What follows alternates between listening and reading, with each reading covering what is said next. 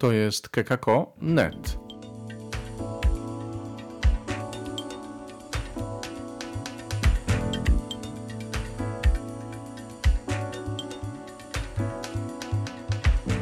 Chrystus zmartwychwstał. Witamy serdecznie w kolejnej audycji Kekako.net. W studiu terenowym pod Londynem w Gravesend wita Was Przemysław Krawczak i w studiu głównym w Radzicu Koinonii Jan Chrzciciel. Kiara Połboczko. I Robert Hecyk. Takie ono terenowe za bardzo nie jest dzisiaj to twoje studio. Cisza, spokój, pralka wyłączona, ptaszki nie śpiewają. Tak, dzisiaj rzeczywiście już e, mniej terenowo niż zwykle, bo dzisiaj, dzisiaj nie w ogrodzie. Mamy dzisiaj drugą odsłonę serii mm, Rad Ewangelicznych, życia według Rad Ewangelicznych. Wcześniej mówiliśmy o życiu w dziewictwie dla Królestwa Niebieskiego, a dzisiaj druga rada ubóstwo. Zanim e, pójdziemy dalej, e, wyjaśnijmy może naszym słuchaczom pojęcie podstawowe dzisiejszego podcastu, tak żeby uniknąć nieporozumień. Bo to już tak jest, że e, pojęcia znane wszystkim i od zawsze potrafią zmylić. A zatem, co to jest ubóstwo? Ubóstwo to mniej więcej wiadomo, co to jest. Ktoś ubogi, nie dysponuje dobrami. Ubóstwo w znaczeniu duchowym i troszkę etymologicznym pewnie to jest też posiadanie wszystkiego u Boga, czyli zależność e, od Boga. To już tak trochę bardziej ewangelicznie podchodząc do rzeczy.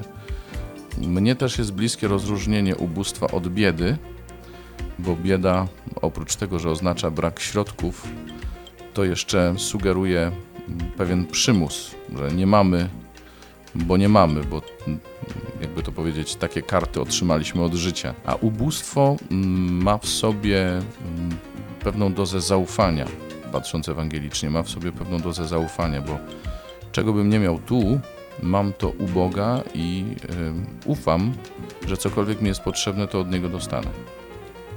Ubóstwo myślę, że też jest y, pewnym świadomym wyborem. Dokonuje się takiego wyboru, że chce się żyć w taki sposób, idąc za tymi wartościami, że chce się zależeć od Boga, chce się zależeć od tego, co On dla naszego życia przygotował. Natomiast, no, tak jak powiedział Robert, z biedą tego się nie wybiera, to po prostu jest. Tak wyszło i, i tyle. Myślę, że to jest ważne bardzo rozróżnienie, bo e, w takim popularnym rozumieniu często e, pojęcia biedy i ubóstwa zlewają się w jedno i to chyba ta kategoria wyboru, decyzji, że to ja decyduję o tym, że chcę być ubogi, jest tutaj e, kluczowa dla rozumienia tej, tej różnicy. Ja się obawiam, że to tak podobnie jak w naszej rozmowie o dziewictwie i celibacie, nie jesteśmy w stanie mm, tak kategorycznie rozgraniczyć biedy i ubóstwa, bo o ubóstwie mówi się również tak powszechnie, także w kontekście tego ubóstwa niewybranego, więc powiedzmy, jeśli mówimy o ubóstwie y, jako wybór, to co Kiarka przed chwilą powiedziała, to już w kontekście życia radami ewangelicznymi, nie? świadomego wyboru rzeczywiście. Natomiast y, powszechnie ubóstwo też się kojarzy z czymś, czego się nie wybrało. Niemniej mówię, ja osobiście wolę rozróżniać biedę od ubóstwa, żeby to ubóstwo jednak miało ten wymiar biblijny i ewangeliczny. W Starym Testamencie mieliśmy ubogich Jahwe, czyli tych, którzy zaufali Panu, którzy od Niego zależą. No i to ubóstwo ewangeliczne jakoś też do tego się odwołuje. Czyli myślę, że dobrze by było używać y, mm, takiego pełnego pojęcia ubóstwo ewangeliczne, ono wtedy rzeczywiście nie myli.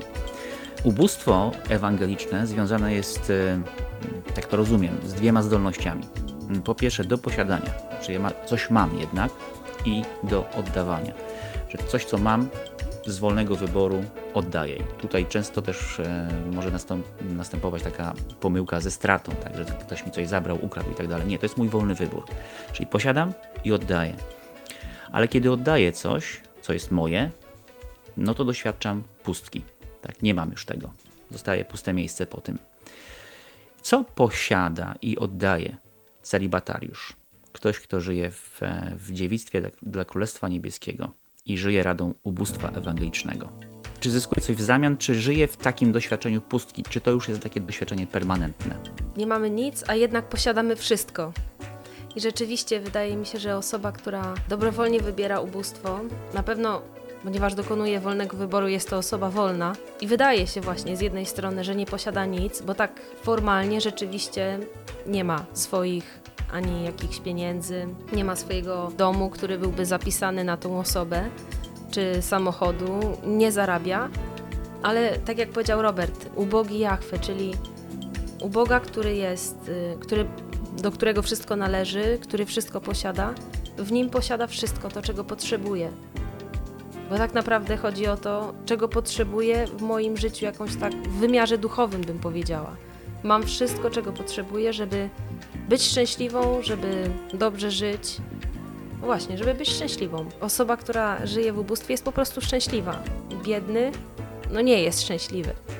A je, jeżeli pytasz Przemek o to, co oddaje osoba podejmująca życie konsekrowane, to to trochę zależy już nie tylko od y, osobistej y, zamożności y, konkretnych braci i sióstr, którzy przychodzą do wspólnoty, ale też od epoki, w jakiej żyją, że tak powiem.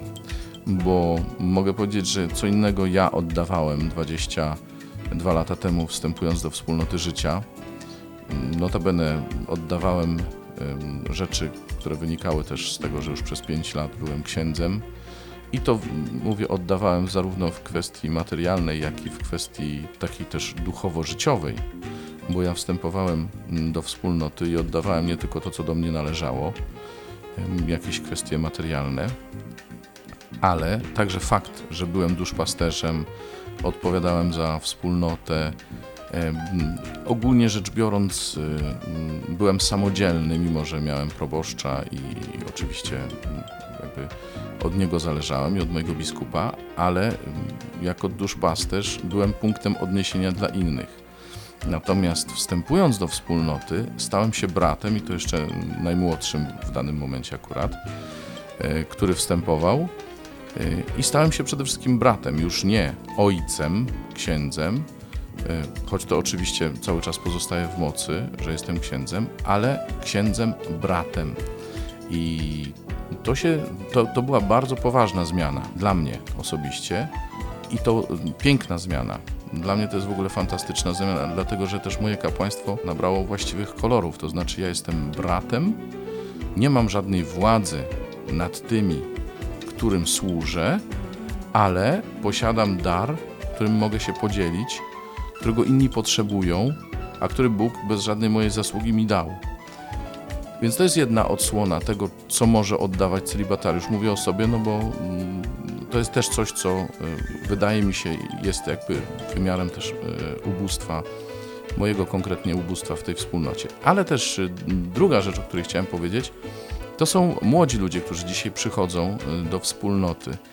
I oni w świecie, wydaje się, mieli znacznie więcej niż ja, te 20 tam ileś lat temu, bo mają y, oprócz y, relacji, oprócz pewnych przedmiotów mm, typu komputery, telefony itd., itd., również sposób życia, który się wiąże z posiadaniem tych przedmiotów, używaniem ich na co dzień, niezależnością w tym używaniu. I w związku z tym e, młody człowiek, który dzisiaj przychodzi i który mm, ma przestać używać e, pewnych urządzeń, a przynajmniej nie używać ich niezależnie, mm, samorządnie, tylko e, w porozumieniu ze wspólnotą. E, Młody człowiek, który nie będzie miał swojego konta na Facebooku na przykład, przynajmniej osobistego. E, Młody człowiek, który będzie w zupełnie innej perspektywie dzisiaj żył w świecie, no to traci lub oddaje, wolę powiedzieć, że oddaje. No bardzo dużo, nie wiem czy nie więcej niż ja wtedy, tak mi się wydaje.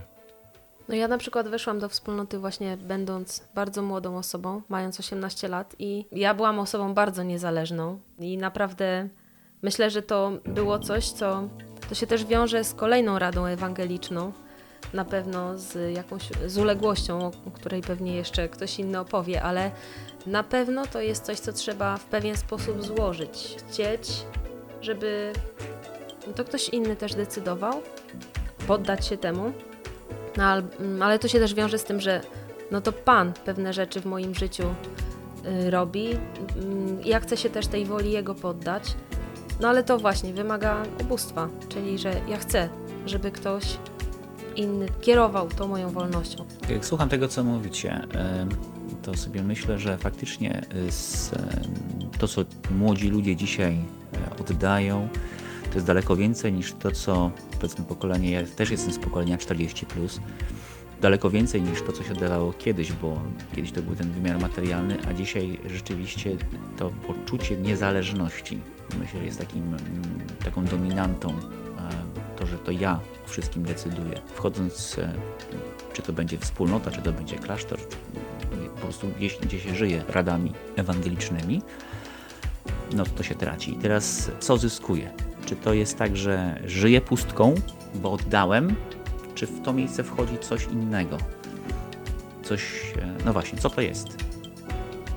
No ja powiedziałam Ci, że z jednej strony zgadzam się na to, żeby ktoś inny był pomysłodawcą różnych kwestii w moim życiu, chociaż to nie jest tak, że ja jestem całkowicie bierna, oczywiście, że nie.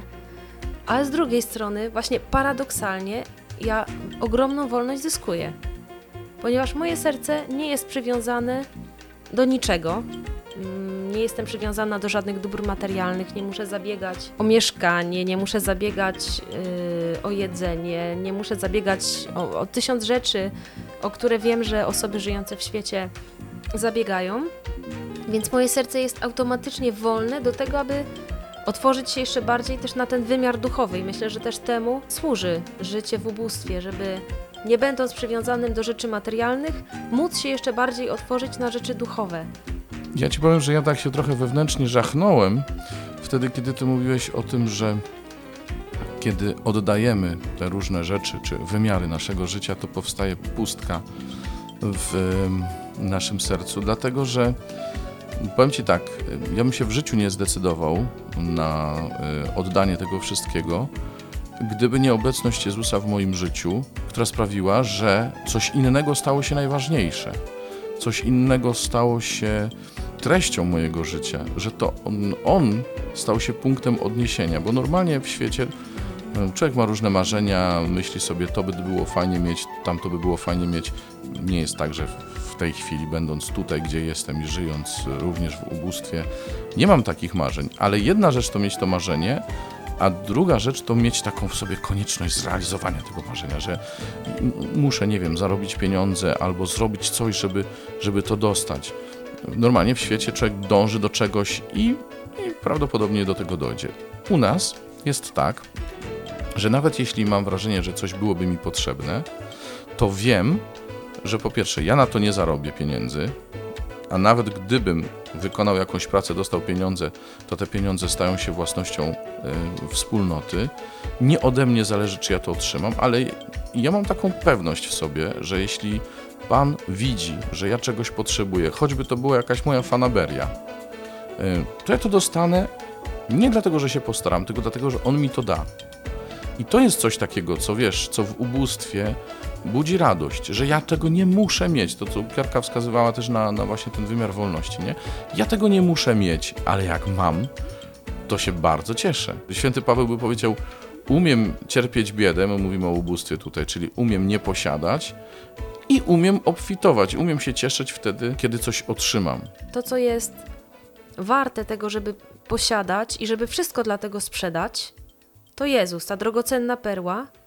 Tak jak mówi Paweł trochę, święty Paweł, wszystko uznaje za śmieci. To nie znaczy, że wszystko jest B, że ja uważam, że te rzeczy materialne są niepotrzebne, no bo to wiadomo, że to jest niemożliwe żyć bez rzeczy materialnych, nie mieć zupełnie pieniędzy. To jest niemożliwe. Każdy musi się tym posługiwać, żeby móc normalnie funkcjonować w świecie, nawet jeżeli nie posiadam osobistych pieniędzy, no wiadomo, że muszę zjeść, więc w jakiś sposób te pieniądze muszą przejść przez moje ręce, żeby kupić coś w sklepie.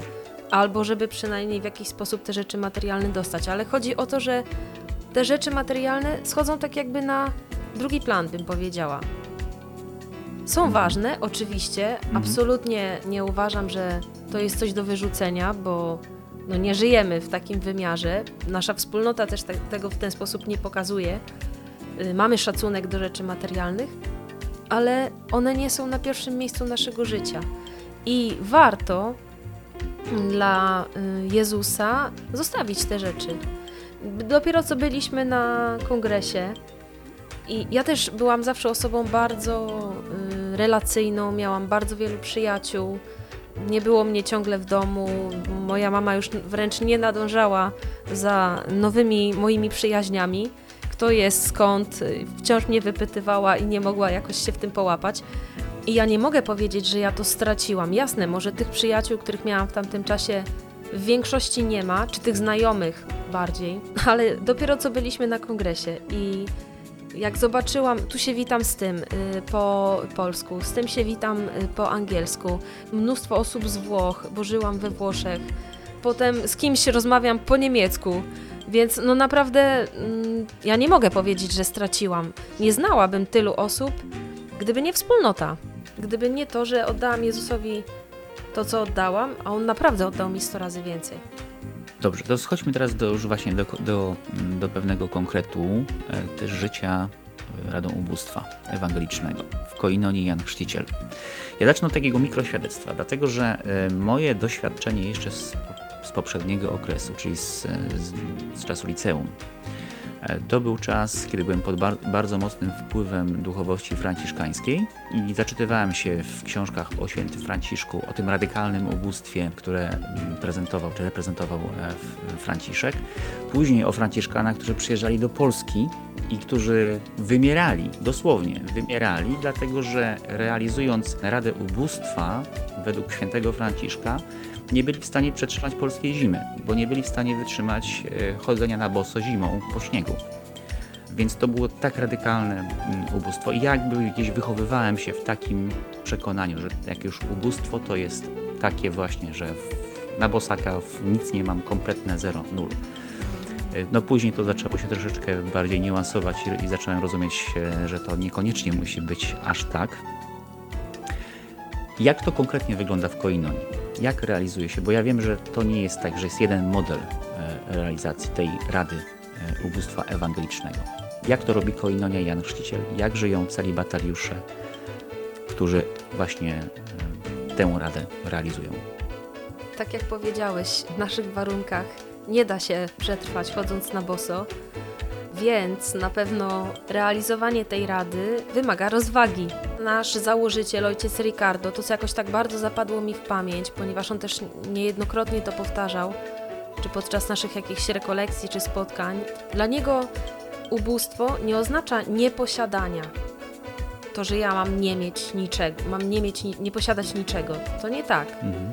Bo wiadomo, że rzeczy, bez których nie mogę się obejść, muszę je mieć, muszę mieć co zjeść, muszę się ubrać odpowiednio do warunków, jakie panują. Więc jeżeli żyję w Polsce, potrzebuję mieć ciepłą kurtkę. Jeżeli żyję w kraju, gdzie jest gorąco, potrzebuję mieć t-shirty, w których będę chodzić i właściwie zaadaptuję się do tych warunków, które panują. Więc nie chodzi o to, żeby nie posiadać, ale Ricardo mówi, trzeba umieć się podzielić tym, co posiadasz jest taki brat we wspólnocie, ma bardzo bogatych rodziców. Więc on wchodząc do wspólnoty, przywiózł ze sobą praktycznie no, taką garderobę, że oko by zbielało niejednej osobie. Kiedy usłyszał o tym, czym jest y, życie w ubóstwie ewangelicznym, zaprosił swoich braci do pokoju, otworzył szafę, mówi: Słuchajcie, ja mam na wieszaczkach wszystko było powieszone, nie wiem, 10 par spodni, 15 Mhm. jakichś koszul. Weźcie co potrzebujecie. Po prostu jego serce nie było przywiązane, bo dostał, nie wiem, to od rodziców, bo podzielił się tym, co miał.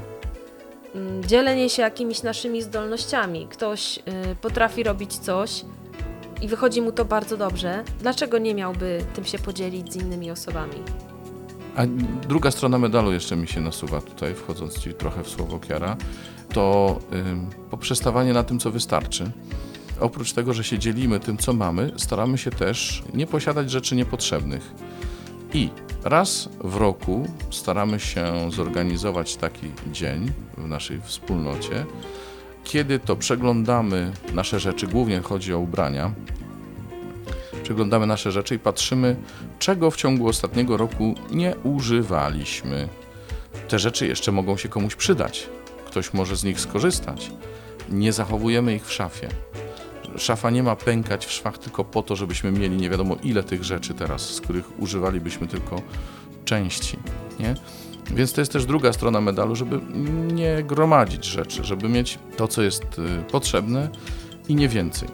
Ale ja jeszcze chciałem się odnieść do tej bardziej ogólnej kwestii, jeśli chodzi o ubóstwo mm, i odniesienie na przykład do duchowości franciszkańskiej. Wydaje mi się, że mm, ubóstwo nasze wynika z charakteru naszego powołania. Byłem ostatnio w naszej oazie w Chemnitz w Niemczech i tam my współpracujemy z siostrami misjonarkami miłości, tymi siostrami od Matki Teresy z Kalkuty. No i one tak, nie mają pralki, nie mają samochodów, przemieszczają się środkami komunikacji miejskiej wyłącznie. Parę jeszcze innych pewnie jest y, takich cech charakterystycznych, ale dzielę się tym powiedzmy mniej więcej, co pamiętam. I powiedzielibyśmy sobie tak, no to one są ubogie, a my co? No tak, ale ich powołanie zrodziło się w określonym kontekście i pierwszym celem sióstr, oczywiście życie dla Pana, ale w kontekście troski o ubogich. Nie, to jest ich pierwszym celem. Natomiast naszym No, pierwszym powiedzmy, celem. Powiedzmy wprost, y, biednych. Tak, biednych. Rzeczywiście. Mhm. Oczywiście. A naszym pierwszym celem jest bycie wspólnotą. To znaczy dawanie świadectwa jako braci i siostry, którzy się miłują. Zobaczcie, jak oni się miłują. Naszą istotą jest koinonia, bycie koinonią. Bycie koinonią to znaczy e, właśnie bycie jednością, komunią, wspólnotą.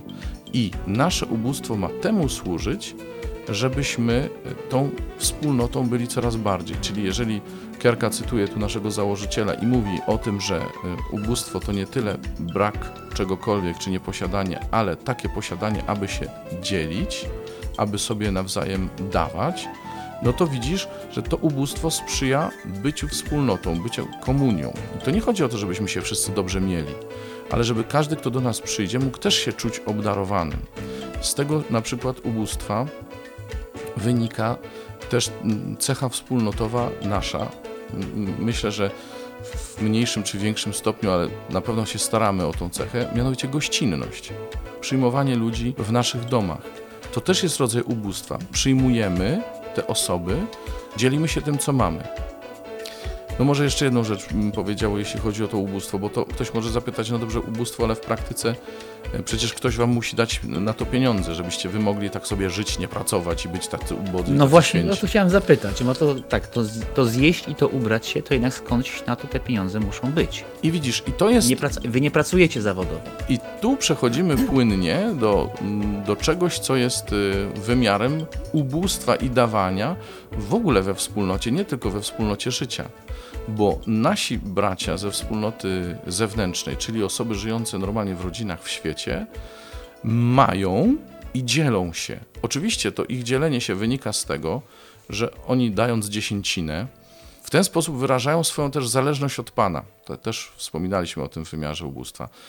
Moja zależność od Pana polega na tym, że daję dziesięcinę, tutaj wcielam się w, powiedzmy w osobę żyjącą w świecie, tak? Oddaję dziesięcinę, to znaczy całe moje dobro, wszystkie moje dobra zależą od Pana i od Niego pochodzą. I znakiem tego jest dziesięcina. Z kolei, ponieważ oni te dziesięciny składają nam, czyli osobom żyjącym e, w zależności od Boga, czytaj, w zależności od nich również, no to to jest też wymiar dzielenia się, ubóstwo jako dzielenie się. Oni się też dzielą w ten sposób z nami. I dzięki temu my możemy nie tylko żyć, ale możemy z kolei to, co oni nam dadzą, przeznaczyć na przykład na to, żeby powstała taka sala, jak u nas jest, gdzie się mieści ileś tam już set osób, że powstał dom dla gości, do którego oni też przyjeżdżają. Rozumiesz, to, są, to jest wszystko, to, to jest taki łańcuch dzielenia się, łańcuch mm, obdarowywania się. Oni nas obdarowują, my ich obdarowujemy i to rodzi koinonię, to rodzi wspólnotę. Wspomniałeś o mm, osobach żyjących w świecie i o jednym z wymiarów życia, e, tą radą ubóstwa ewangelicznego. Ale ja zapytam, no dobrze, dziesięcina dziesięciną, ale czy w ogóle jest tak, że osoby żyjące w świecie mogą realizować radę ewangeli- mm, ewangelicznego ubóstwa, mm, mając rodzinę, mając e, zobowiązania w świecie? Jak ją realizować, żyjąc w świecie? Czy to w ogóle jest możliwe? No, na pytanie, czy jest możliwe, odpowiedź jest bardzo prosta. Skoro ludzie tak żyją, to znaczy, że to jest możliwe i nasi bracia rzeczywiście żyją w ten sposób. Tak jak Robert powiedział, oddają dziesięcinę. Ale to nie jedyny sposób przeżywania takiego ewangelicznego ubóstwa. Jeżeli ubóstwo jest mm, tą umiejętnością dzielenia się, no to widzimy niejednokrotnie, jak nasi bracia rzeczywiście to realizują w swoim życiu. Mamy na przykład rodziny, którym urodziły się małe dzieci. Te dzieci rosną, więc dzielą się na przykład ubrankami z następnymi rodzinami, którym za chwilę urodzi się małe dziecko. Bracia, siostry pomagają sobie na różny sposób, y, czy czasami na przykład mm, potrzeba, tak, tak jak mówiłam, też te umiejętności. Ktoś potrzebuje jakiejś porady, czy potrzebuje być wspartym w jakimś konkretnym zakresie. Ktoś, kto jest specjalistą w tej dziedzinie, po prostu pomaga mu. Myślę, że to też jest jakiś wymiar ubóstwa, tego, żeby potrafić podzielić się z, z siostrą czy z bratem tym, czego aktualnie potrzebuje. Też my na przykład niejednokrotnie zwracamy się z prośbą o pomoc do jakichś firm, to już wychodząc trochę poza naszą wspólnotę. Nie wiem, na przykład mamy taką firmę tutaj blisko, która produkuje makaron. To są ludzie bardzo wierzący, nie są z naszej wspólnoty, ale chcą się dzielić z innymi, więc nieraz po prostu dzwonimy do nich i chcą się z nami podzielić. My dostajemy to w dużej ilości, wtedy my możemy się podzielić z innymi osobami, którym wiemy, że te rzeczy się przydadzą, czy to z naszej wspólnoty, czy nawet tutaj na wsi. Znamy rodziny, które chętnie też y, przyjmują tego typu podarunki, bo mają więcej dzieci, czy ich status materialny mm, nie jest y, na najwyższym poziomie. Więc no, myślę, że to tak rodzi się pewnego rodzaju taka sieć osób, które sobie wzajemnie pomagają i to też jest wymiarem życia w ubóstwie. A powiem Ci jeszcze, Przemek, że to ogólnie rzecz biorąc, jak, jak patrzę na, na mm, ubóstwo mm, w wydaniu osób żyjących w świecie, to mi, przychodzi mi do głowy taki, taki podział na, t- tak żeby to zilustrować. My jesteśmy ubodzy, em, bo em, oddajemy e, rzeczy materialne i godzimy się na to, żeby żyć w pewnej zależności, niekoniecznie z tym wszystkim, co mieliśmy dotąd, e, zgodnie z tym, co nam e, powie wspólnota. Natomiast e, osoby żyjące w świecie mają żyć z tą samą wolnością, choć używając tych dóbr, które możemy oddaliśmy i możemy ich tak naprawdę nie potrzebujemy w naszym życiu, albo które po prostu oddajemy no, jako dar złożony Panu. Nie? My czegoś nie używamy, bo nie wszystkiego w życiu potrzebujemy, a inni tego używają, jednak też z taką wolnością, z takim samym nastawieniem.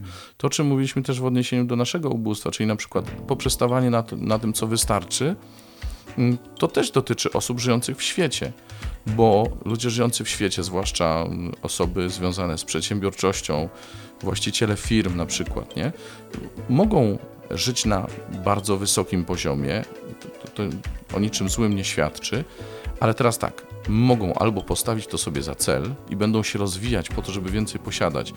I to, to się będzie nakręcało, a mogą żyć tak, że posiadając wiele, coraz więcej będą mieli na rozdawanie, na wspieranie różnych inicjatyw, nie wiem, ewangelizacji nawet, ale też na dzielenie się y, z y, osobami, które nie mają tych środków, z ubogimi, z biednymi, nie? Są tacy na przykład, którzy mają bardzo dużo pieniędzy i zaczynają zamiast dziesięciny dawać jedną piątą swoich dochodów. Y, Słyszeliśmy również i o takich osobach, które żyją z dziesięciny, a oddają 90% tego, co mają. Takie są ich dochody. Tu jest kwestia ym, po prostu wolności od tego i ym, zanim zapytasz, y, od czego zależy, ym, kto ile daje, to powiem ci, od wiary zależy, y, bo nikt nie może komuś nakazać, że ty musisz żyć tak i tak i tak. To się może zrobić tylko z wiary i, i z takiej wolności serca, który ci będzie podpowiadać, oddaj więcej. Możemy nie mieć nic, ale w ogóle nie robimy wrażenia, że nam czegoś brakuje. I dla wielu to jest po prostu przejaw y, tego, że my mamy nie wiadomo jakie pieniądze. Podam Ci przykład. Kiedy myśmy się tu sprowadzili do Nowego Radzica, do, do gospodarstwa, które przerabialiśmy ze stodoły na, na pokoje dla sióstr, stodoły, to, to była tylko stodoła, stodoła, chlew i obora, poddasze, które zrobiliśmy dla braci, e, wiesz, wszyscy myśleli, e, że tu się jakaś, jakiś, nie wiadomo jakie, e, jaka bogata organizacja sprowadziła, że mamy nie wiadomo jakie środki, e, rozumiesz, z zagranicy, które nam napływają, nie? E, A tu po prostu na skutek tego, że inni się z nami podzielili, myśmy byli w stanie wykonać prace budowlane, nie wiem, zaadoptować te pomieszczenia, że możemy dzisiaj tutaj żyć. Wszystko dzięki ubóstwu właśnie. To jest chyba taka rzecz dla mnie osobiście e, no, niezwykle doty- dotykająca serca, kiedy widzę em, oazy, kiedy widzę miejsca, które powstają po prostu dzięki ofiarności, dzięki temu właśnie, tej zdolności, temu pragnieniu dzielenia się. To to jest dla mnie pierwsze świadectwo tego, że, że to jest prawda, że, że to jest możliwe, żeby żyć taką radą ubóstwa ewangelicznego i że z tego rodzą się dobre owoce, bo to nie chodzi tylko o moje uświęcenie, tylko o to, że to jest dobre dla innych, że z tego mojego ubóstwa wynika dobro mm, braci, sióstr, kościoła po prostu. Przypomina mi się przykład naszych braci, którzy wybudowali duży dom i nie dość, że część tego domu w ogóle przeznaczyli y, na to, żeby wspólnota miała się gdzie spotykać, y, jako taką część właśnie dla, dla, dla spotkań po prostu, udostępniają ten dom, to jeszcze do siebie, do, do tej części, w której sami mieszkają, zapraszają osoby, które mm, aktualnie znajdują się w jakiejś potrzebie. I mm, słyszeliśmy o tym, że nieraz mieszkały tam nawet po parę miesięcy osoby, czy nawet rodziny, które w danym momencie potrzebowały takiego azylu, a, a ten dom, w którym oni żyją, taki azyl gwarantował. Był taką bezpieczną przystanią. No i to też jest takie ogromne świadectwo Mhm. tego, tak jak właśnie mówisz, że mm, to ubóstwo, czyli takie otwarcie się na to, żeby podzielić się w tym wypadku, no nie tylko przestrzenią, ale no to w ogóle takie wpuszczenie już kogoś do swojego życia praktycznie. Do tego myślę trzeba ogromnej wiary, ale są takie osoby, które w taki sposób też realizują to ubóstwo i rzeczywiście pomagają innym, że to nie chodzi o jakieś ich uświęcenie, ale o to, żeby wesprzeć te osoby, które w tym momencie potrzebują takiego typu pomocy. Robert, Kiara, bardzo Wam dziękuję za tę rozmowę. To jest druga część takiego tryptyku życia radami ewangelicznymi. Mówiliśmy już o dziewictwie dla królestwa. Dzisiaj rozmawialiśmy o ubóstwie ewangelicznym i przed nami trzeci gorący temat życie w no właśnie, w czym?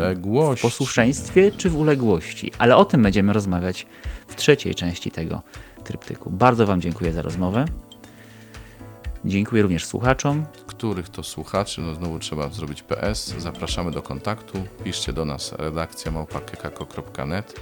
Jesteśmy w sieciach społecznościowych Facebook, Instagram, Twitter. Ojej, wszędzie jesteśmy, naprawdę. A przede wszystkim abonujcie, subskrybujcie ten podcast, żebyście nie pogubili następnych odcinków. Dziękuję, że nas przyjęliście. Dzięki. Do usłyszenia.